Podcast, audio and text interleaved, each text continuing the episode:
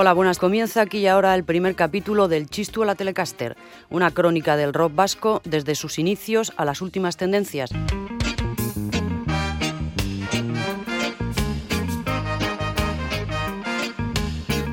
Mi nombre es Elena López Aguirre y publiqué un libro que se llama precisamente así, Del Chistu a la Telecaster, y que pretendía ser un recorrido panorámico por los principales grupos y acontecimientos del rock vasco.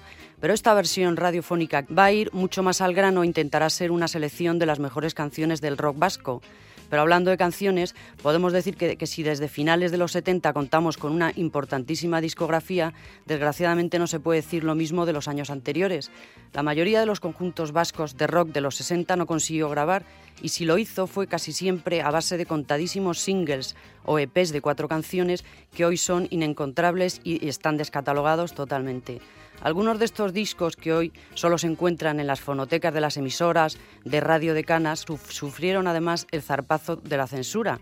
Esta se contentaba en ocasiones con colocar un celo o una etiqueta sobre la zona del microsurco censurada, pero la mayoría de las veces se rayaba el disco concienzudamente y se eliminaba de la funda tanto de la portada como de la contraportada cualquier vestigio del título, quienes hemos tenido el placer de merodear entre las baldas de las fonotecas hemos contemplado con perplejidad, ironía y rabia este fenómeno.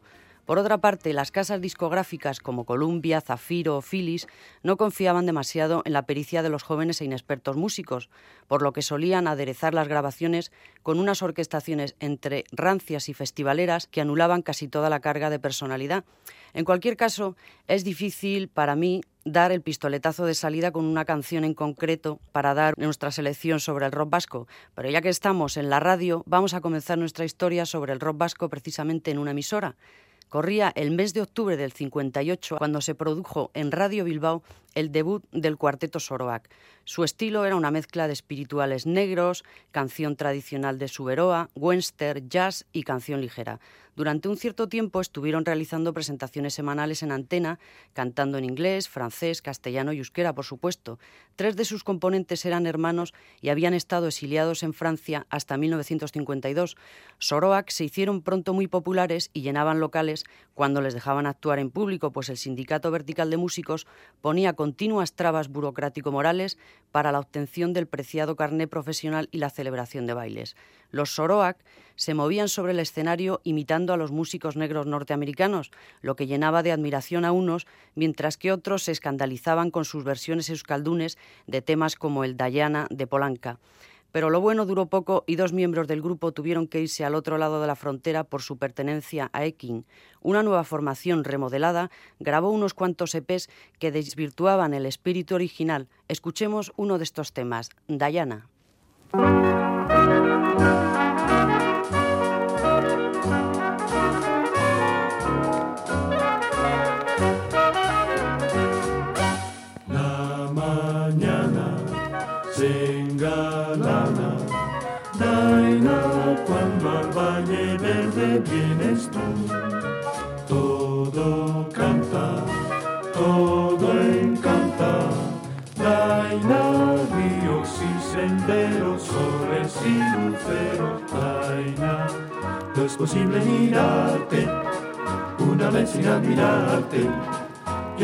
Del mundo para amarte. Daina, mi destino ha quedado en tus ojos reflejado mi universo eres tú. Luna y sol, cielo y mar, pabellón, la imagen y el color, nada son sin tu amor.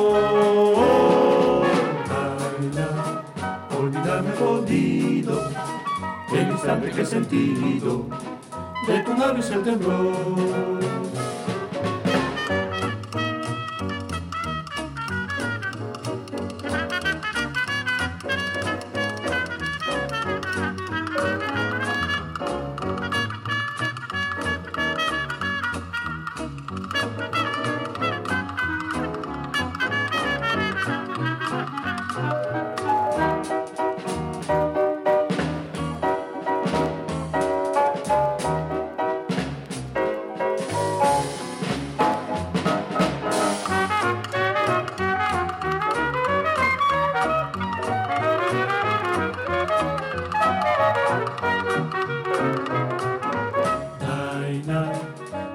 Mirarte, una vez sin admirarte, y olvidarse del mundo para amarte. Daina, mi destino ha quedado en tus ojos reflejado, mi universo eres tú. Luna y sol, cielo y mar, ave y flor, la imagen y el color, nada son sin tu amor. Jodido, el instante que he sentido, de tu labio se temblor.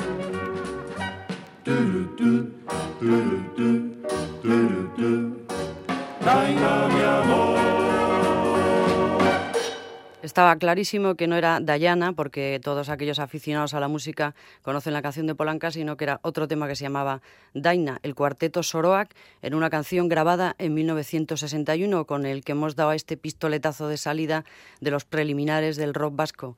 También en 1961 España participó por primera vez en el Festival de Eurovisión con Estando Contigo, defendida por Conchita Bautista, que quedó en último lugar con cero votos en su casillero, pobrecilla.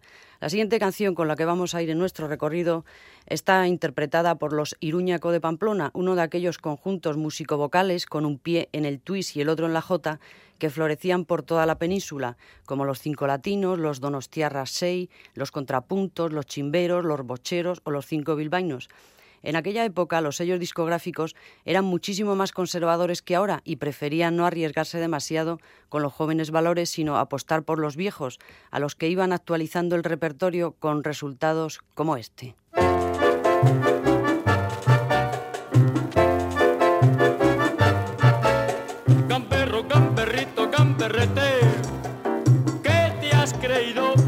Si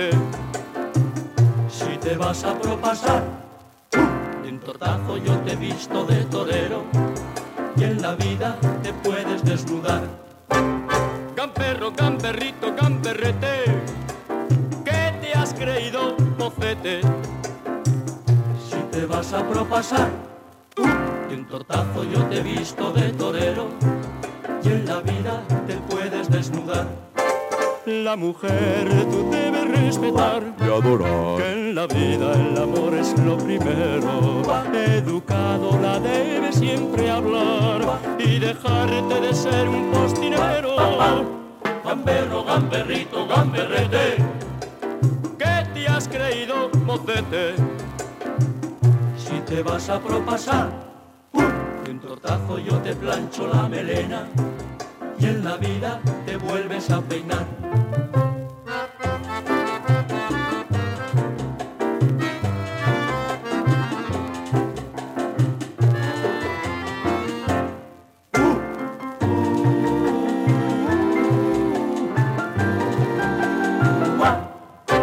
Gamberro, gamberrito, gamberrete, ¿qué te has creído, mocete? Si te vas a propasar, tortazo yo te he visto de torero y en la vida te puedes desnudar. La mujer tú debes respetar y adorar. Que en la vida el amor es lo primero. Educado la debe siempre hablar y dejarte de ser un postinero. Gamberro, gamberrito, gamberrete. ¿Qué te has creído, mocete? Si te vas a propasar tortazo yo te plancho la melena y en la vida te vuelves a peinar. Y en la vida te vuelves a peinar. Y en la vida te vuelves a peinar. Gamberro. Los Iruñaco de Pamplona en una canción en la que podemos apreciar la prevención social contra la nueva ola emergente de melenudos que se avecinaba un caso similar a los, de, a los Iruñaco fue el de Tonio Areta, que era un vitoriano nacido en el 26, que había hecho casi toda su carrera en el extranjero y que volvía por aquellos primeros 60 a la tierra, armado de un buen puñado de temas propios, todavía muy mediatizados por la canción tradicional española y la italiana, pero recubiertos de un suave barniz de twist y estilo yeye. En 1963 nacía la pionera revista mensual Fonorama, que introdujo el término yeye vía París y su floreciente escena pop representada por Johnny Halliday, Sylvie Vartan o François Sardy, pero no todos se mostraban tan partidarios de la modernidad risueña y preferían el aire intelectual y contestatario de los llamados beatniks. Entre un yeye y un beatnik hay la misma diferencia que entre un negro y un miembro del Ku Klux podíamos leer en el vespertino diario Pueblo. El yeye es un narciso hasta la médula, que sufre como un condenado cuando le sale un granito en la nariz, toma Coca-Cola o leche con granadina, fuma rubio emboquillado, tiene coche sport o aspira a tenerlo mientras que los bitnis son víctimas de un orden social que pone una medida de longitud a los cabellos. No hacen daño a nadie, no obstante son perseguidos. Los ídolos bitnis europeos de aquel entonces eran Michel Polnareff, Antoine y Adriano Celentano. Pero ¿quién eran esos bitnis que idolatraban la carretera y al malogrado actor James Dean? Estos beatniks habían surgido en los años 50, catalizados por el grupo poético de San Francisco con Allen Ginsberg, Ferlinghetti, Jack Kerouac.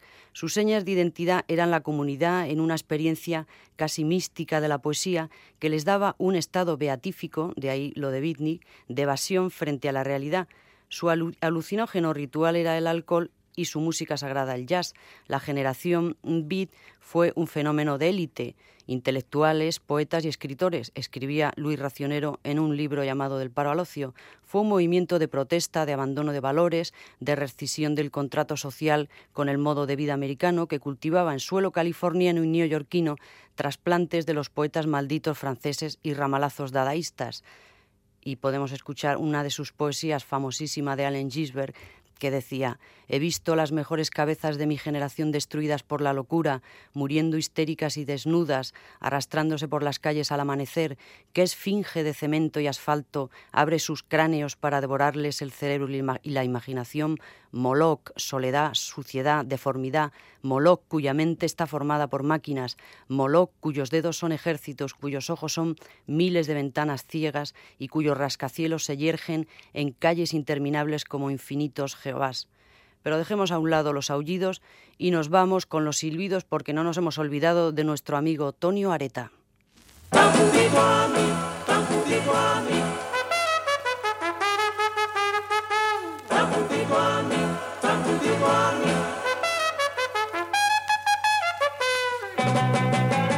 Pasó tan cerca de mí que me envolvió en el aroma de veinte rosas de abril.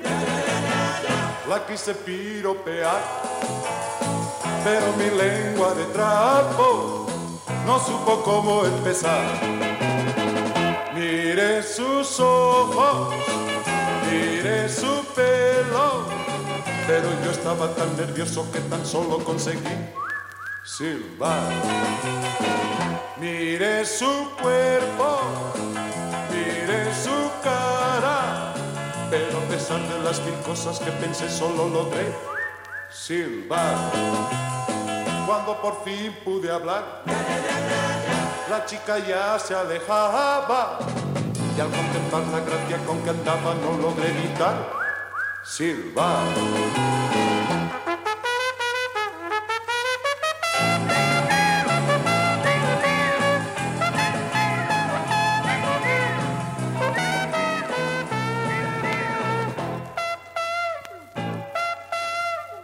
Mire su cuerpo, mire su cara, pero a pesar de las mil cosas que pensé solo logré silbar. Cuando por fin pude hablar, la chica ya se alejaba y al contemplar la gracia con que andaba no logré evitar silbar.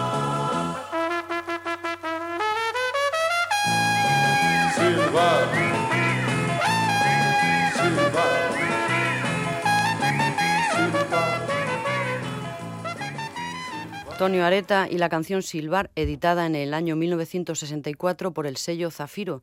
Tonio Areta y el también vitoriano Máximo Baratas formarían uno de los tándem compositores más exitosos de esos años. Su unión musical culminó con la superpopular canción Vamos a la cama, que anunciaba el final de la programación infantil en televisión en aquellos tiempos.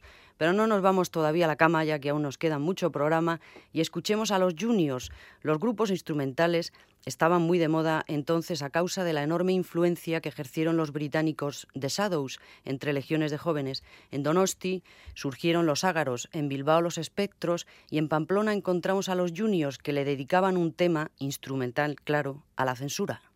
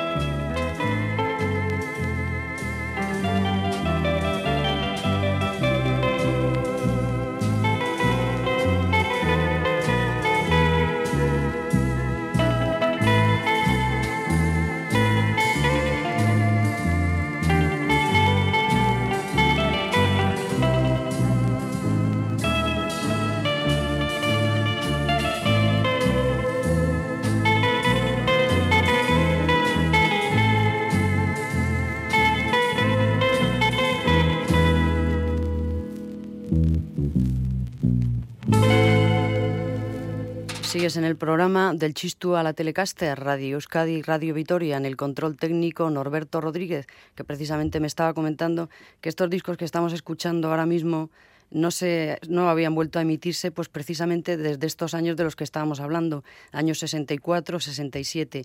Eran los Juniors, su canción Censural, que lo que nos extraña es que no fuera censurada. Y ya que estamos en Pamplona, de donde eran los Juniors, y en los primeros 60, no podemos dejar de mencionar al entusiasta periodista Joaquín Luqui, que ayudó a dinamizar extraordinariamente el ambiente rockero de su zona desde el programa Requete Ritmo de Radio Requete y la sección Ritmorama en el pensamiento navarro. En la vieja Iruña nacían los breaks, los condes y los salvajes anacos, pero los que seguían llevándose el gato discográfico al agua eran los Iruñaco, que tras una rutilante gira artística por América volvieron menos sanfermineros.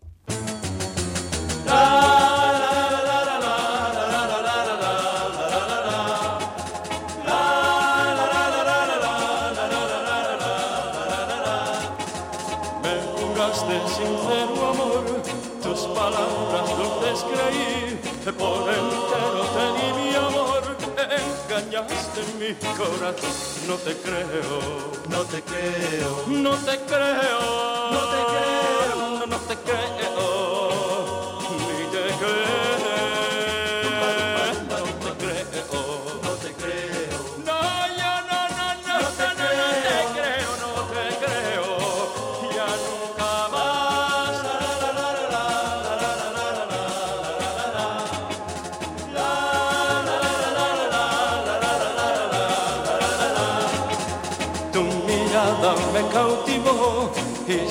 sincera me pareció, pero luego con tu desdén engañaste mi corazón. No te creo, no te creo, no te creo, no te creo, no, no te creo.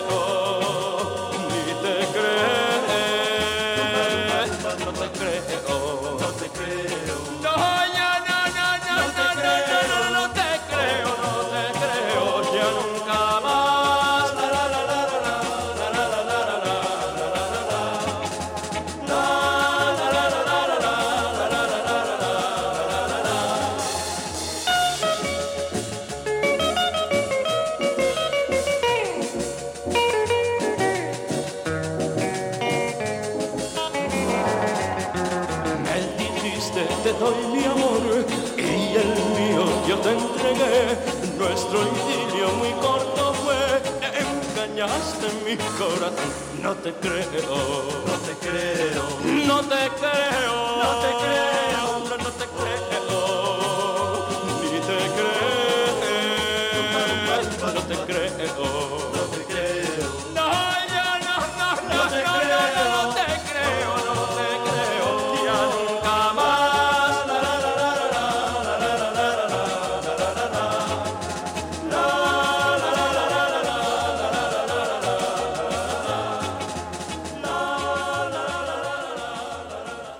Pues aunque los Iruñaco no nos crean, por entonces comenzó, a mediados de los años 60, en todo el mundo la época dorada de los conjuntos, el beat británico, los grupos de la costa oeste norteamericana.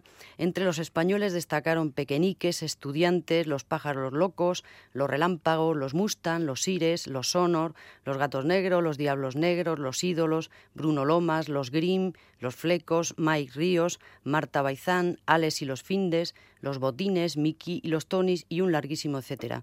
Las salas de baile que habían estado controladas por Falange, al acabar sonaba el himno nacional, empezaron a convertirse en dancings primero y en boats y discoteques después. Todo esto coincide con el auge de los Beatles, con su fase más puramente rockera. De Bilbao eran los mitos, que como casi todos alternaban los temas propios con las versiones como esta de Dave Clark Five.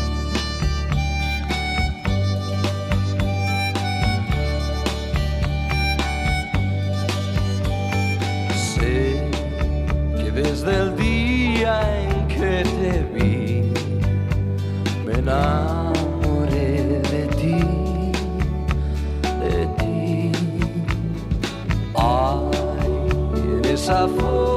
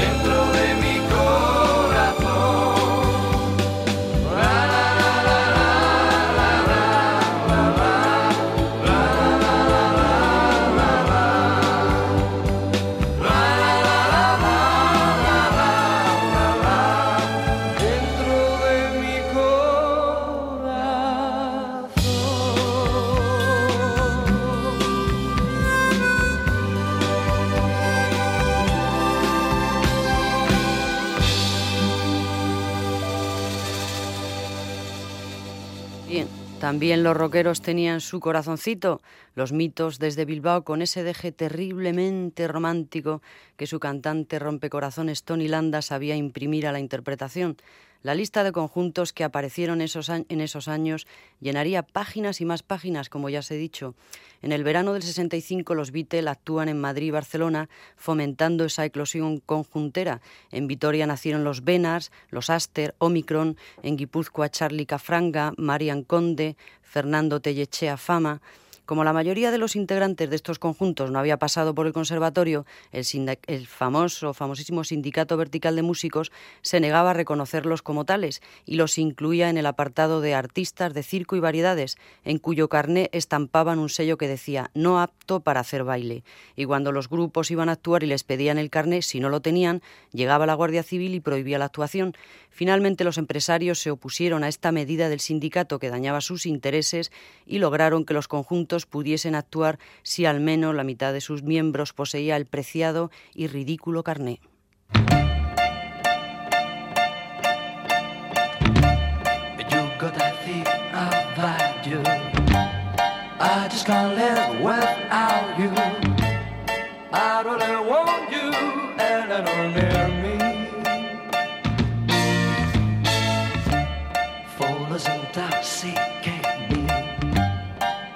Though you false hack me.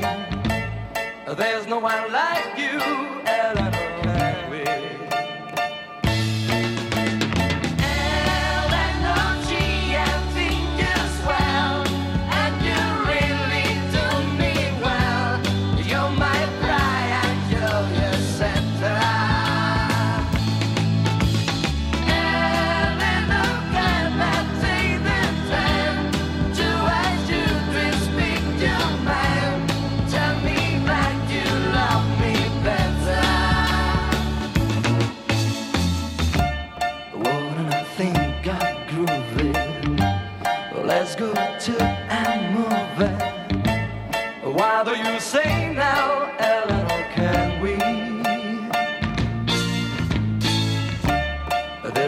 lights will down low.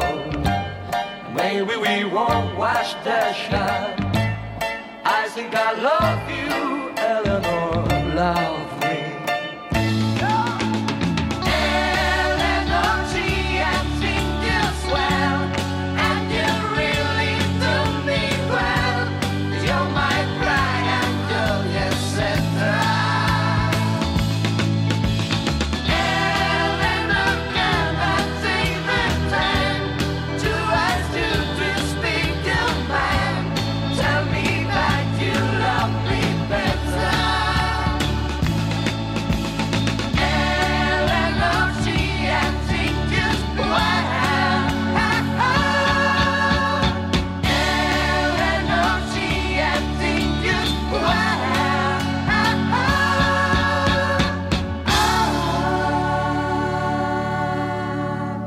De nuevo los mitos, una canción llamada Eleanor de un grupo norteamericano que se llamaban Turtles. Esta recopilación de canciones de los mitos se ha hecho ahora recientemente en el año 96 una y es fácilmente disponible porque la mayoría de todos estos discos de los años 60, como os decía antes, están descatalogados y son inencontrables. Aludíamos antes a la autoridad competente que prohibía sistemáticamente los festivales aunque fueran matinales. La prensa también contribuía con su alarmismo amarillista al clima de nerviosismo social provocado por la aparición de cientos de conjuntos y de ese mundo de pelo largo y pantalones acampanados que lo circundaba. Otro nerviosismo de diferente signo se apoderó de los poderes fácticos durante el Festival de Eurovisión, mientras actuaba el trío uruguayo TNT que representaba a España. Unos manifestantes pasaron delante de las cámaras con una pancarta antifranquista.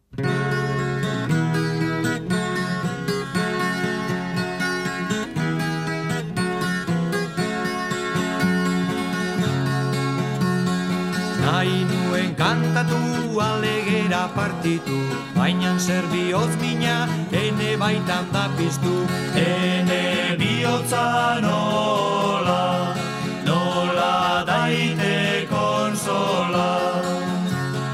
Noratoa untzia, noratutziz frantzia Noratola deramak, orain ere bizia Ene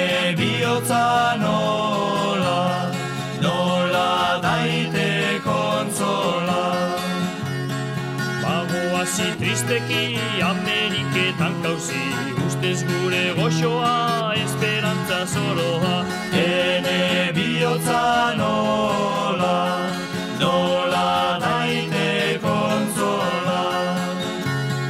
Zerek nauli juratu Ola zerekin gainatu Egiazkonak utzirik Itzala dut autatu Ene bihotza Nola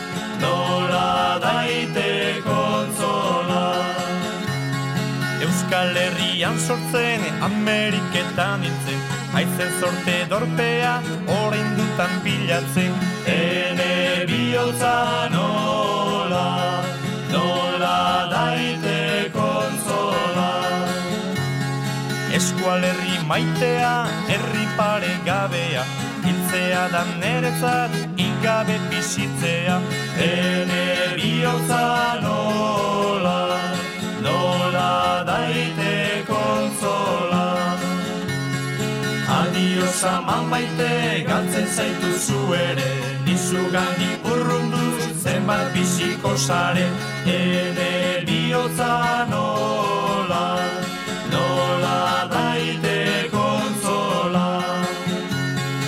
Egin duta motua baldin betetzen bada Laster itxuriko naiz zamauda zure gana Ene bihotza nola Nola daite kontzola Ene bihotza nola Nola daite kontzola eran urrechindorrak, los ruiseñores guipuzcoanos que junto a otros grupos como Erlac, Enarac, los hermanos Argoitia o Ameslari- Ameslariac formaron un frente euskaldún a medio camino entre el caserío y la discoteca.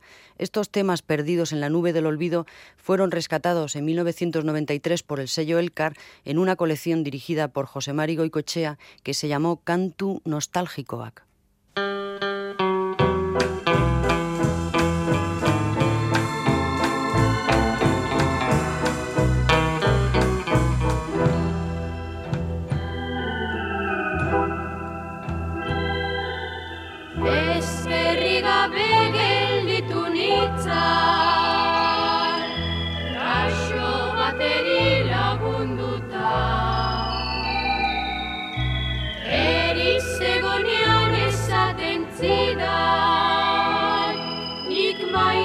Zaitut sendatuta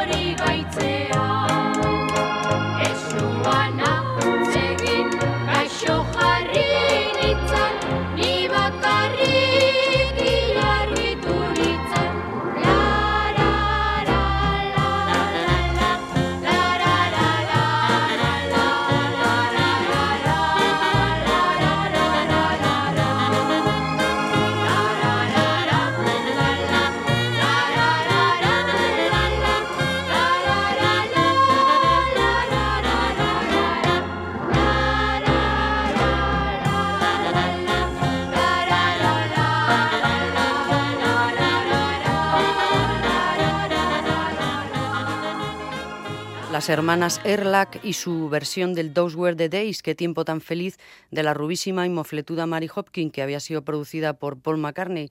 Fue uno de los temas más populares de mediados de los años 60. Por cierto, que las hermanas Erlach serían sampleadas por los mismísimos Negu Gorriak muchísimos años después, pero esa es otra historia que contaremos a su debido tiempo. Mientras, no nos resistimos a reproducir otras versiones autóctonas del poperío anglosajón incluidas en aquellos cantu nostálgicoak. Bani zundu, nik zu bezela Baina txori buru gara, dantzan da, dantzan Maitasunaren sokan Irri kantuz beti nabil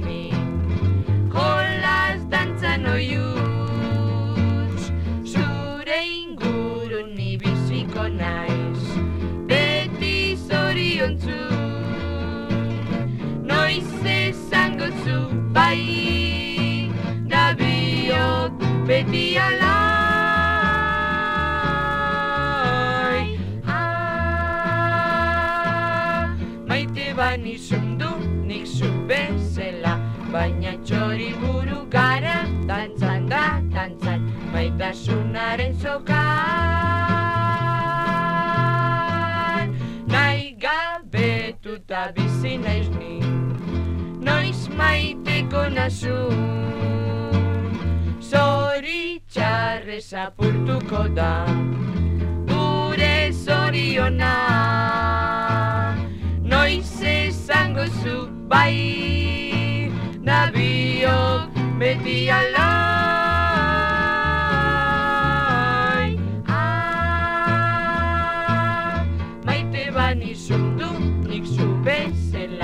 Baina txori buru gara dantzan da dantzan Maitasunaren sokan. Sokan dantzan nabil. Ni Choriburuak Sokan, los hermanos Argoitia, las marionetas en la cuerda Euskaldunes, eh, que era una, una lectura bastante naif de aquel célebre tema de la cantante de los pies descalzos Sandy Shaw.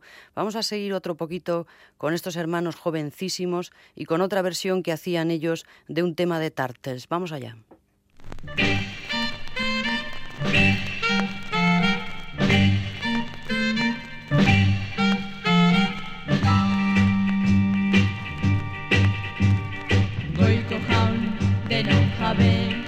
Galdetu nahi dizugu bildur gabe Askatasunik badegu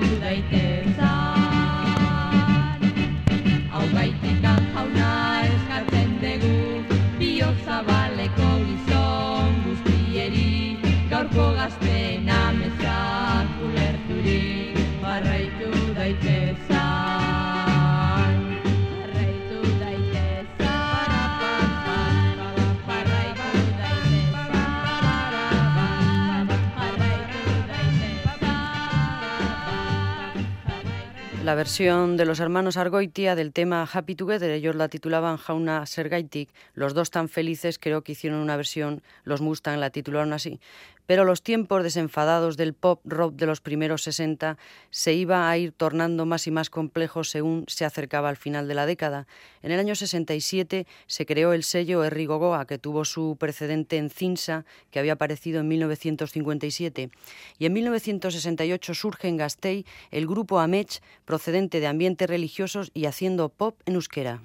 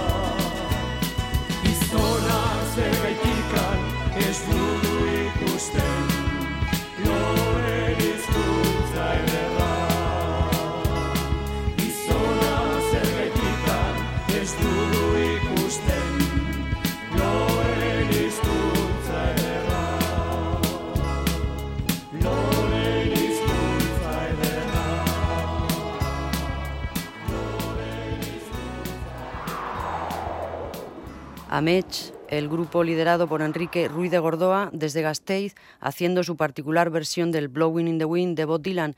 Todos estos temas de Amech fueron recopilados en el año 94 y salieron en un compacto del que podéis disponer si os interesa. En octubre de 68 aparece en Madrid la revista Mundo Joven, que tendría una gran presencia en la cultura juvenil de esos años. Ya no era como en las revistas pioneras la simple traducción de textos de publicaciones anglosajonas o europeas o la serialización de las entrevistas casi monosilábicas, aparte de la exhaustiva información que recogía sobre los nuevos movimientos del calidoscópico pop, el mayor protagonismo lo tenían los reportajes sobre los hippies y los hábitos culturales asociados a ellos, las drogas, las comunas, el autoconocimiento zen. El hippismo tenía sus capitales internacionales en diferentes continentes, pero especialmente Europa y Asia. En Europa, además de las islas eufóricas como las Baleares españolas o los archipiélagos griegos, sus otras sedes eran la Plaza del Dam en Ámsterdam, la de España en Roma o la de Santa Ana y el Rastro en Madrid, Katmandú, Calcuta y el río Ganges eran los núcleos de peregrinación al continente asiático.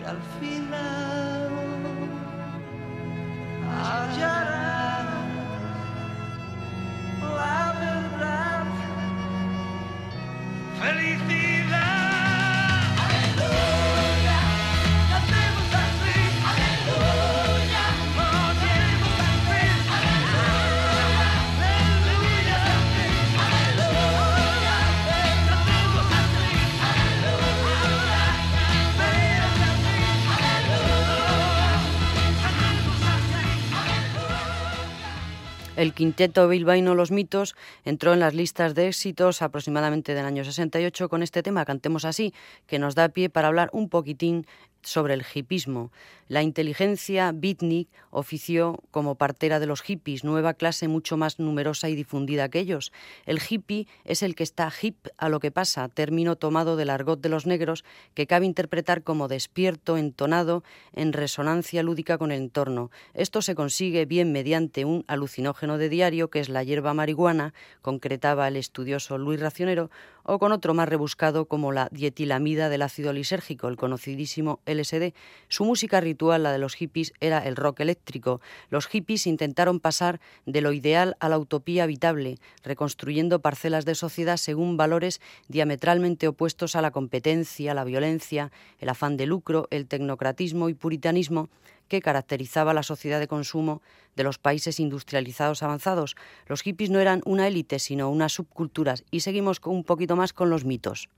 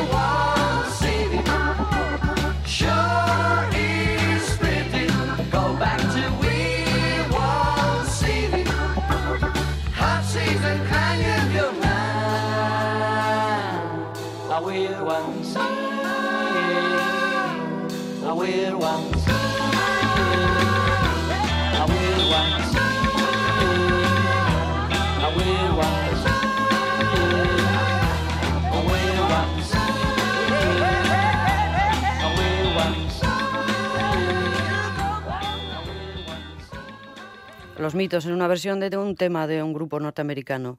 Seguimos con Joaquín Luque, estamos en el año, metafóricamente hablando, en el año 68 y nuestro requete rítmico rockero caparrosiano fundó en Pamplona el periódico musical Disco Express, que se convirtió en la principal plataforma de comunicación para todos los movimientos musicales más agresivamente innovadores. Semana sí y semana también traía noticias, comentarios sobre Led Zeppelin, Jethro Tull, Santana, Miles Davis, Deep Purple y a escala local los conjuntos soul y progresivos, así como la rama más política del movimiento Folsom.